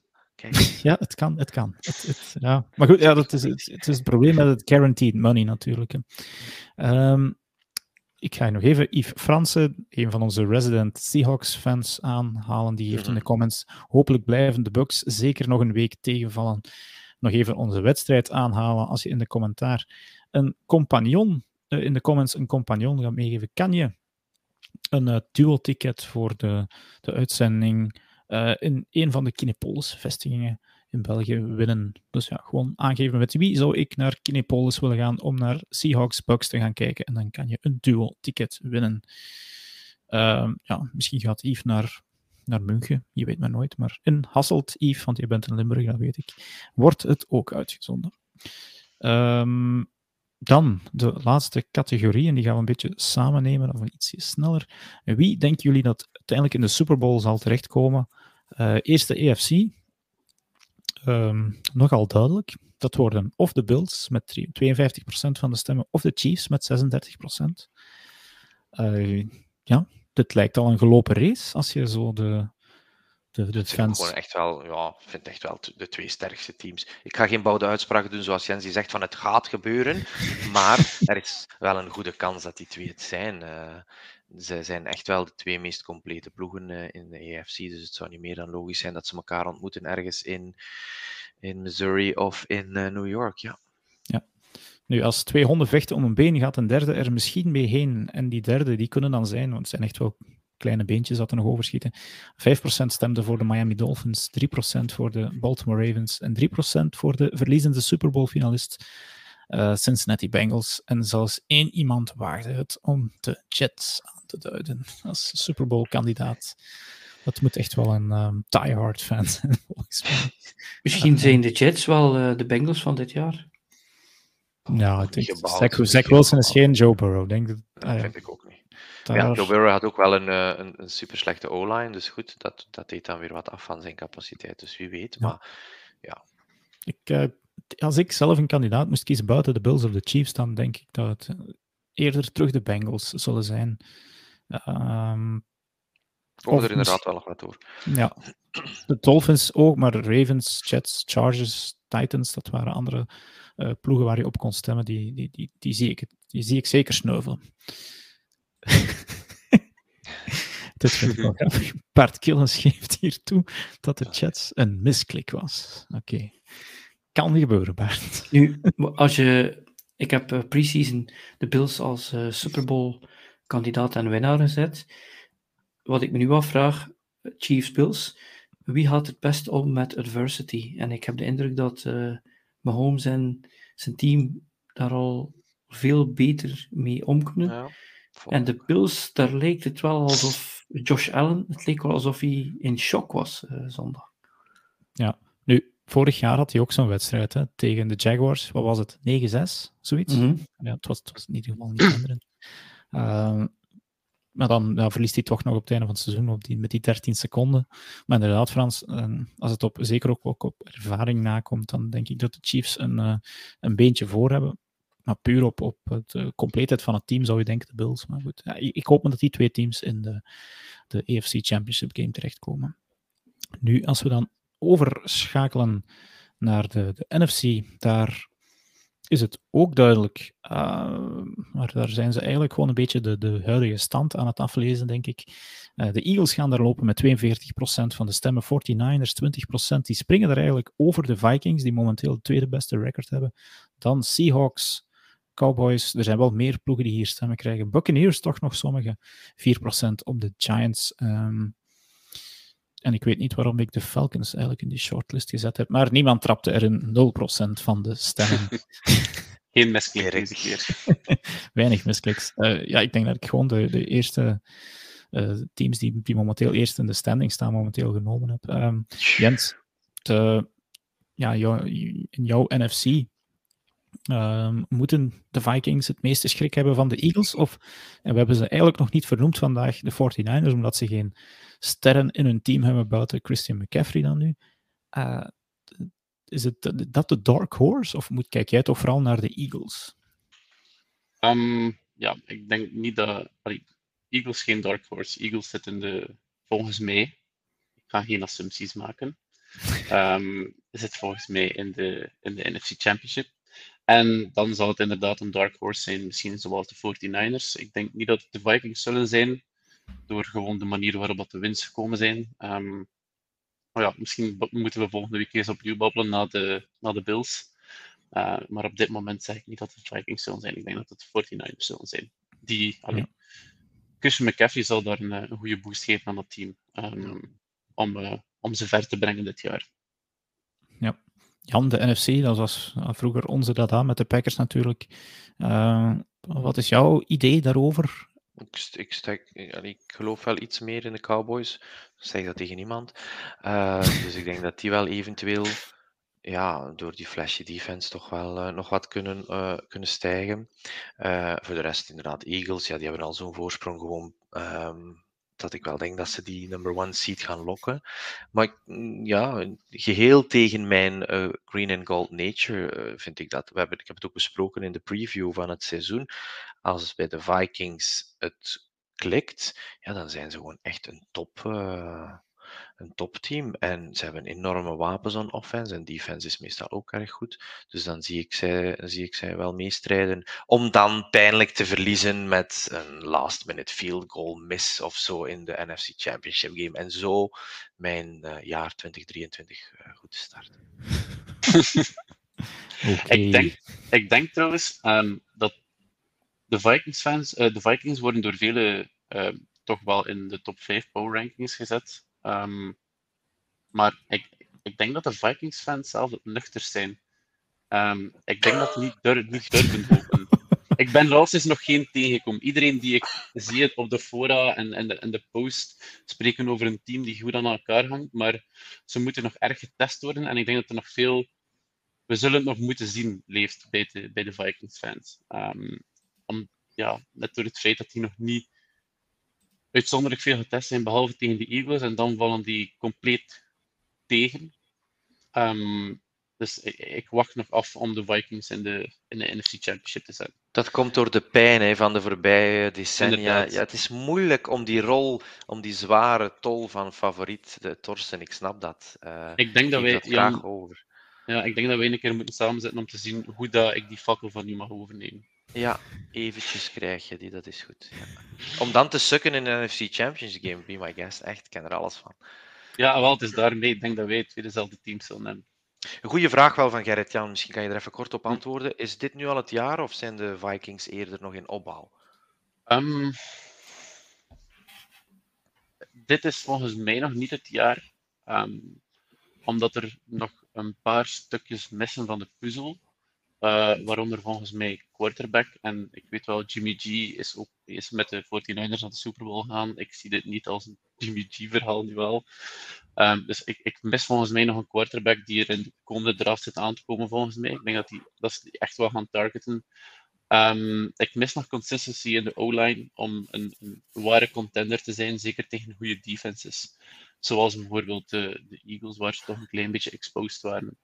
Um, en ik mis een secondary die iedere match lights out kan zijn. Oké, dus toch je nog. Je vraagt niet veel. Je vraagt niet veel. ik, ik, geef een eerlijk antwoord over: is het team een opbouw? Ja, absoluut. En dat zijn de stukjes die, die nog missen om volgens mij een, een contender te zijn jaar in jaar uit, zoals bijvoorbeeld de Eagles dit nu zijn. Ik denk, Alexi had gisteren dus doorgestuurd dat zij op iedere positie, en we spreken niet over de O-line als een geheel, maar echt guard, tackle, center, dat zij een top 5 of een top 10 uh, speler hebben in, uh, in die posities. En dit hebben, dat hebben de Vikings gewoon niet. En dat maakt ook de Eagles een, een, een Super Bowl ja, ja. contender. Nu, de NFC is in het algemeen toch wordt een beetje zwakker aanzien dit jaar als de EFC. Dus ja, Gerrit-Jan geeft hier ook nog aan. Ja, de concurrentie is dit jaar wat zwakker. Het is, het is misschien wel het jaar om er toch van te willen, te willen profiteren. En dan heb je de Eagles. ja, oké. maar... ja, het was vorig jaar ook zo. Hè. Uh, er werd gewoon gezegd dat de uh, AFC rot zat van uh, jonge en nieuwe en goede quarterbacks. En de AFC niet. Dus uh, dat, daar is ook weinig aan veranderd. Hè. Ja. Oké, goed. Dat waren de elf vragen die wij aan de AFCB mensen gesteld hebben. Bedankt nog eens om zo massaal te antwoorden. Het geeft interessant discussievoer. Uh, en we gaan dat eh, denk ik nog wel eens doen. Misschien op het einde van het seizoen, voordat de effectieve awards worden uitgereikt. Um, we zullen zien. Goed, um, dat was het stukje NFL. Je ziet, we hebben dit, deze week niet echt de wedstrijden aangeraakt. Um, er waren wel enkele leuke dingen uh, te bekijken, maar deze, rank, uh, deze awards waren toch ook zeker eens interessant om terug te kijken op het seizoen. Er waren ook redelijk veel buys en die zullen er een week 10 is het zeker ook wel weer zijn. dan, en dan denk ik dat we afscheid nemen van Jan. Gaan we over naar het stukje collegevoetbal. Of Jan, plezier, mag man, natuurlijk. Uh, goed, Jan. Hoi. Jan. Uh, we gaan over naar collegevoetbal, Jens.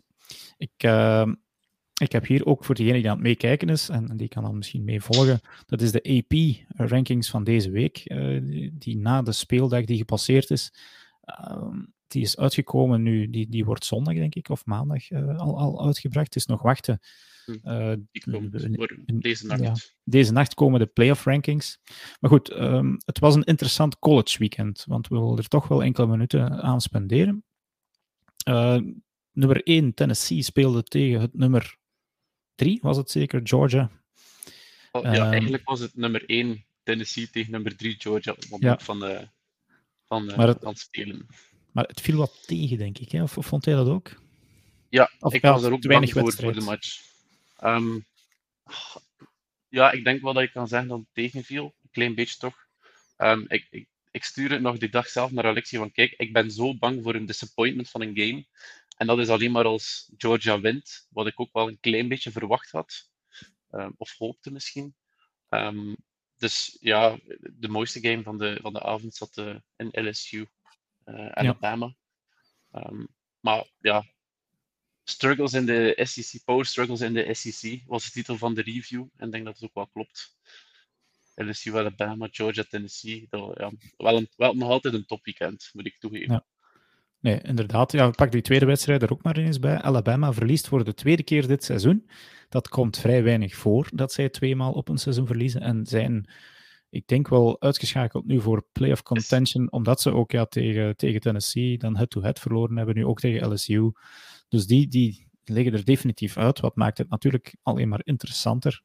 Um, want er, ja, nu, nu, nu is het nog afwachten. We zien hier nu die rankings. Uh, Georgia op 1, Ohio State op 2, Michigan op 3, TCU, Texas Christian op 4 en Tennessee op 5. Zou, ga je denken dat dat de, de, de playoff rankings ook zal zijn? Of zie je nog ergens wat veranderingen? Nee, dat zullen niet de playoff zijn. Um, ik denk dat er één positie is waarover dat we bijna zeker zijn. Um, ik zeg ook wel bijna. Ik maak hier ook geen assumpties. Dat is gevaarlijk. dat is Georgia op 1. Ik denk de, de schedule van Georgia is, is nog wel een klein beetje uitdagend met Mississippi State. Pas daarvan op als je gaat naar Mississippi State en naar Kentucky gaan. Maar volgens mij is die nummer 1 een lock. Ja. Nummer 2 en 3, volgens mij, allee, op 2 spreken we waarschijnlijk over een Big Ten team. Um, en dat zal de winnaar zijn van het rechtstreekse wel tussen Ohio State en Michigan. Um, nummer 3 misschien afhankelijk van hoe de, ja, het onderlinge duel tussen Ohio State en Michigan verlopen is, spreken we daar ook, ook over een van die ploegen. En dan nummer vier, uh, of misschien drie, spreken we over Tennessee. Ja. Dus volgens mij gaat de TCU nog uit die rankings, um, of uit die top vier. En komt Tennessee erin, maar de plaatsen kunnen nog onderling verwisselen, of verwacht ik ook wel een klein beetje. Ja. Um, misschien nog eventjes over TCU. Ja, je denkt die gaan verdwijnen? Oh, je ziet ze gewoon nog verliezen ergens dan, want ongeslagen zou ze erin moeten komen. Um, ongeslagen moeten ze er inderdaad in, ja. Um, ja. Dat, geen twijfel mogelijk, maar als je ziet dat, tegen wie dat die nog moeten spelen, en eigenlijk dit weekend al, ik, ik raad iedereen aan om achter zijn tv te zitten, tegen Texas, tegen de Longhorns, Bijan Robinson, um, bring it on zou ik zeggen. Ja. Ik denk dat Texas daar toch wel, ja, wel, wel de betere ploeg is, en denk dat TCU daar kan verliezen vertel inderdaad dus welke, de, de speeldag die er nu aankomt, welke affiches zijn zeker interessant voor te gaan zetten, want het is wel money time op dit moment nu college voetbal, dus nog enkele weken ervan genieten en dan zijn we, ja, is het helaas weer voorbij. Dus ja, je, je vermeldde al TCU tegen Texas. Zijn er ook in de SEC nog interessante wedstrijden? Um, ehm, LSU Arkansas. Ja, Pas op voor Arkansas. Ja, eh, ze komen, we, we, hebben er ook een discussie over gevoerd, Alexia en ik, over moeten we ze allee, een klein beetje bespreken in de um, in de preview van dit weekend. En we hebben toch wel afgeploft op ja, want pas maar op. Allee, ik ga niet zeggen dat LSU daar sowieso uh, zal winnen. Um, nog andere matchen waarvoor dat we moeten opletten. Alabama al mis. Dat is misschien ja. Het, ja, toch wel de beste match in de SEC. Uh, die komt wel later op de avond, dan om 9.30 uur. Al mis moet hij eigenlijk gaan winnen. Uh, als ze nog willen meestrijden voor de titel um, in een conference en dan ook nog om uh, de SEC te winnen. Want Alabama zal het waarschijnlijk niet zijn. Dus daar zitten we ook met gigantische playoff implications. En dan denk ik dat we bijna bij een afronding, ik ben hier snel nog heel aan het overlopen, ik ken het niet 100% van buiten. Georgia, Mississippi State. Ja. Um, ook nog in dus, de SEC. Dus vooral TCU tegen Texas. Wanneer is de, de clash ja. tussen Ohio State en Michigan? Want dat was vorig jaar echt wel een klassieker. 27 oktober, dacht ik. 27 of 28 oktober. November. Uh, ja, november. 26 november. november. Ja, oké. Okay. Nog enkele weken wachten dan. Ja, ik denk dat het Thanksgiving weekend is zelfs. Oké, kijk eens aan. Interessant, daar gaan we dan voor zitten. En, uh, ja, ik raad het inderdaad iedereen aan, één, om uh, de, de, ook al, al volg je het niet, maar lees die reviews en previews van Jens en Alexis. En uh, als je zaterdag tijd hebt, en dat gebeurt toch wel eens, het is echt een hele avond lang. Het begint om zes uur en je kan tot drie, vier uur s'nachts. Ik denk dat ik zelfs, ik, ik werd wakker om vijf uur, omwille van mijn pasgeborene. En USC was nog aan het spelen, dus je kan echt heel de nacht college voetbal kijken als je wil. Ja, wij zijn blijven kijken vorig weekend zelfs. Ja? Dus ik denk dat wij begonnen zijn om, uh, om 7 uur. Zijn we iets, iets later begonnen, denk ik, omdat de, de early slate was niet impressive. Um, omdat we eigenlijk vooral wilden klaar zijn voor Tennessee Georgia. En dan was het denk ik 4 uur, 30, 5 uur tegen dat we uiteindelijk zijn. Nu stoppen we. Maar dat was ook wel een stukje door de World Series ja. in baseball. Kijk, Frans, het leeft nog bij de jeugd, hè, voetbal. Zeker op college. Goed. Wel, ik, ik uh, baseer me telkens op de previews om ja, ik kan niet constant naar die college kijken, maar ik probeer een paar mee te pikken. En dat was voor mij natuurlijk een beetje een teleurstelling uh, wat Tennessee daar bracht. Maar dan daarna Alabama, dat, dat was echt wel uh, leuk om te zien. Ja. ja. Ik wil nog één ding zeggen, misschien onderschat niet. Tennessee gaat er inderdaad in de boot bij Georgia, maar wat het moet zijn om voor. En ik denk dat er 93.000 mensen in dat stadion kunnen. Uh, Tennessee had volgens mij vijf, zes false starts.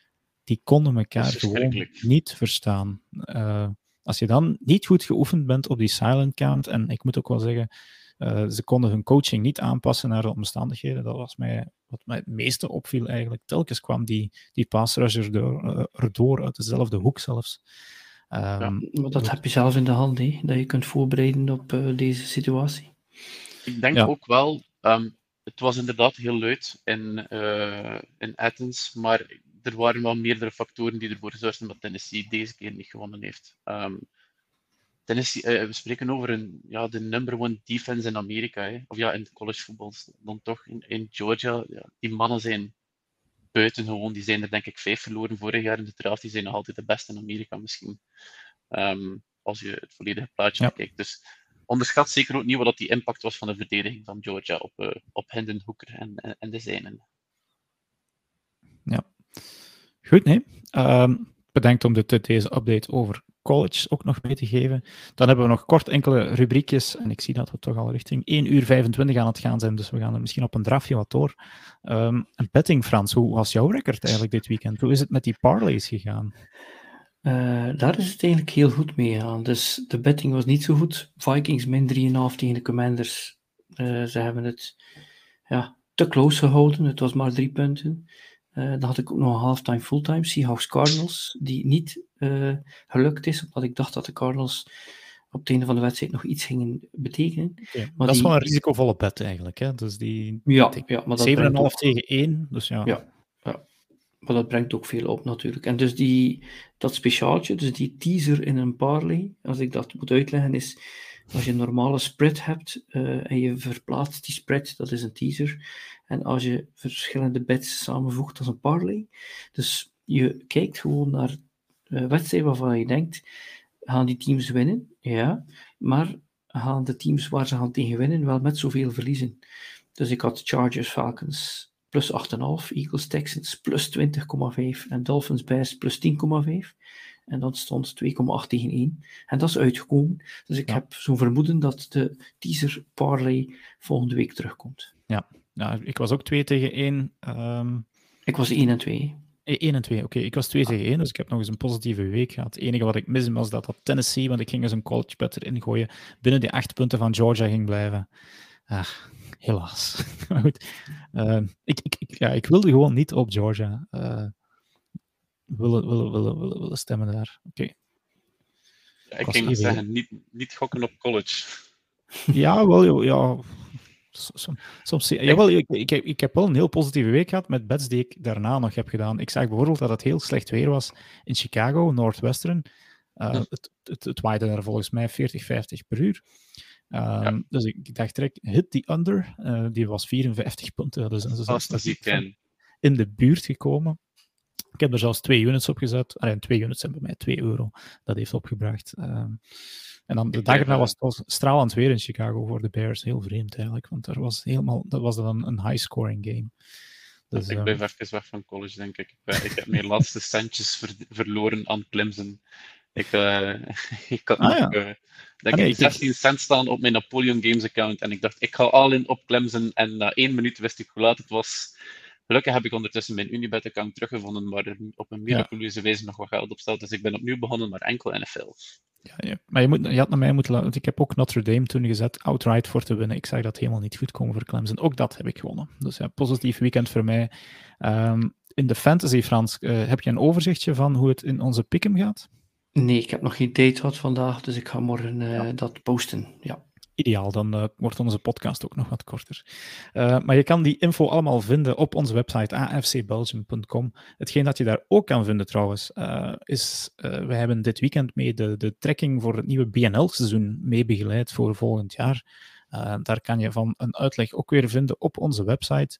Het wordt een, een interessant seizoen. Slechts vijf teams wel, maar wel home and away telkens. Dus het is een, een vrij gebald schema zelfs, wat um, in, in, uh, het begint op 4 maart en het eindigt op 1 juli. Dus het is vrij kort, maar dus wel bijna elke week. Twee weken achter elkaar. Uh, voetbal hier in de lage landen, dan een weekje tussen, dan weer twee weken achter elkaar.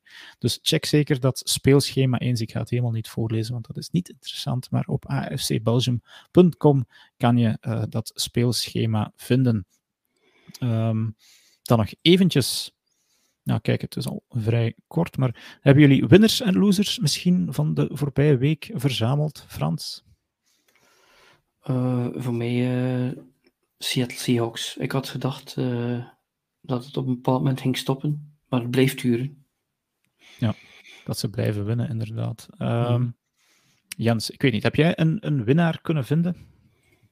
Um, Justin Fields, denk ik dat wel een een redelijke winnaar is. Ook zeker nog vermeld hebben. Ja. ja, ook al verliest hij. Mm, een lichtpuntje voor de Bears, moet ik zeggen, richting ja. volgende seizoenen. Dus als ze, ik denk dat die wel mag vermeld worden als winnaar. Ze verliezen wel, maar hij had een recordavond aan rushing yards. Hij had nog nooit een NFL quarterback verzameld. Dat. Mijn winnaar was, nou, ik ga het even Tom Brady noemen, omdat hij uit, uit nostalgie nog eens een, een heel mooie fourth quarter comeback gedaan heeft. Ik denk niet dat er een minuut nog op de klok stond, geen timeouts. Er zijn er maar weinigen toch die dat kunnen om dan nog een team naar de overwinning te leiden tegen de LA Rams. Um, Frans, heb jij ergens een loser kunnen traceren? Ja, de coach die verantwoordelijk is, die zeven dagen de tijd heeft gehad om samen met Malik Willis 15, 15 paspatronen uit te vogelen die voor die jongen mogelijk waren. Ja. Als ze dat hadden gedaan, dan hadden ze gewonnen tegen de Chiefs. Eigenlijk erg inderdaad. Hè. Een overtime, Malik Willis, hij had het zomaar mm. kunnen doen. Um, Jens, jij een loser? Um, Green Bay Packers. Makkelijk. Ja, sorry, dat, dat, het is een cheap shot, maar... Ja, nee, maar verliezen ja. tegen de Lions is inderdaad echt wel uh, Verschrikkelijk. Wij hebben het vorig jaar ook gedaan, toen dat de Lions zelfs nog niet gewonnen hadden. En er is geen slechter gevoel, denk ik, dan verliezen van de Lions in, uh, in de divisie. Ja. Nee, oké. Uh, mijn loser van de week, en dan moet ik even denken, ja, ik, gewoon de, de, ik denk dat ik eerst gewoon de, de Colts als organisatie uh, voor ogen had. Gewoon, ja, hoe dat je die coaching situatie nu aan het aanpakken is volgens mij niet echt gezond, of wel heel net als je gewoon wilt tanken en de first overall pick wil krijgen. Um, dat was het. We kijken misschien nog heel eventjes uh, naar volgende week, nog eens eventjes nu, zaad, nu zondag is er Seahawks Buccaneers um, in München. Wie daar is, uh, Yves Fransen, die er straks vermeld, die is effectief in München. Er zijn nog Vlamingen en Gerrit-Jan de Nederlander, die gaat ook naar München, die naar daar gaan. Spreek zeker samen even af, pak wat foto's, stuur het door. Uh, die wedstrijd wordt dus uitgezonden uh, in de verschillende Kinepolis-zalen. Wij geven daar een dual-ticket voor weg. Geef een compagnon aan in de comments met wie je naar daar wil gaan. En dan, dan ja, kan het zijn dat we jou naar een Kinepolis-zaal sturen. Uh, die wedstrijd wordt ook op Eleven Sports uitgezonden. Frans, klopt dat? Ja, dat is juist. Uh, ja. Top weekend weer voor Eleven Sports. Thursday Night Football. De wedstrijd in München. De Sunday Night. Uh, sorry, Sunday Night. En Jurgen heeft de wedstrijd in, uh, in Duitsland. En ik heb de wedstrijd om 10 uur 30. En dat is Cowboys en Packers. Ja, Cowboys Packers, inderdaad een interessante affiche. Uh, ik kijk vooral eigenlijk uit naar ja, de, de echte late night Sunday. Die wordt volgens mij ook uitgezonden op Eleven Sports, maar dan met, met Amerikaans commentaar. Chargers tegen 49ers. Um, ja. ja. even kijken. Jens, tegen wie moeten de Vikings? Tegen de Bills. Oh, dus... tegen de Bills. Kijk, ja, dat is waarschijnlijk dan jouw wedstrijd om naar uit te kijken. Ja, een grote test eigenlijk voor beide ploegen. En we zouden nog moeten zien of dat de, of dat de Allen fit zal zijn. Oké. Hopelijk wel. Maar Dirk, ook niet vergeten dat uh, Thibaut de Bailly, die Juist, heeft uh, ik vergeet het. dit weekend met de BC Lions gewonnen van de Calgary Stampeders. Daardoor hebben ze de eerste playoff-wedstrijd gewonnen. Nu gaan ze uh, naar de Winnipeg Blue Bombers op verplaatsing. En als ze die winnen, dan zit hij in de Grey Cup. In de Grey Cup. Als, als hij de Grey Cup haalt, gaan we er iets voor doen. Dan gaan we ergens een speciale uh, organiseren. Dan gaan, we, dan gaan we er naartoe. Ik zeggen, dan vliegen we. Mm. Wilde weldoeners gezocht. Oké. Okay. Uh, en vadertje tijd ook, met, met, een beetje tijd voor mij. Nee, goed. Um, heren, bedankt, want het was een lijvige podcast. En we klokken hem af rond het uur dat we normaal gezien doen. Net geen tight 90. Uh, Frans, bedankt. Graag gedaan. Ja, Jens, bedankt ook uh, voor jouw inzichten, Vikings, analyses en college. En um, ja, ik was Dirk en ik bedank dan nog verder uh, onze kijkers die toch redelijk uh, veelvuldig aanwezig waren en de luisteraars natuurlijk ook. Jullie horen ons en zien ons volgende week weer.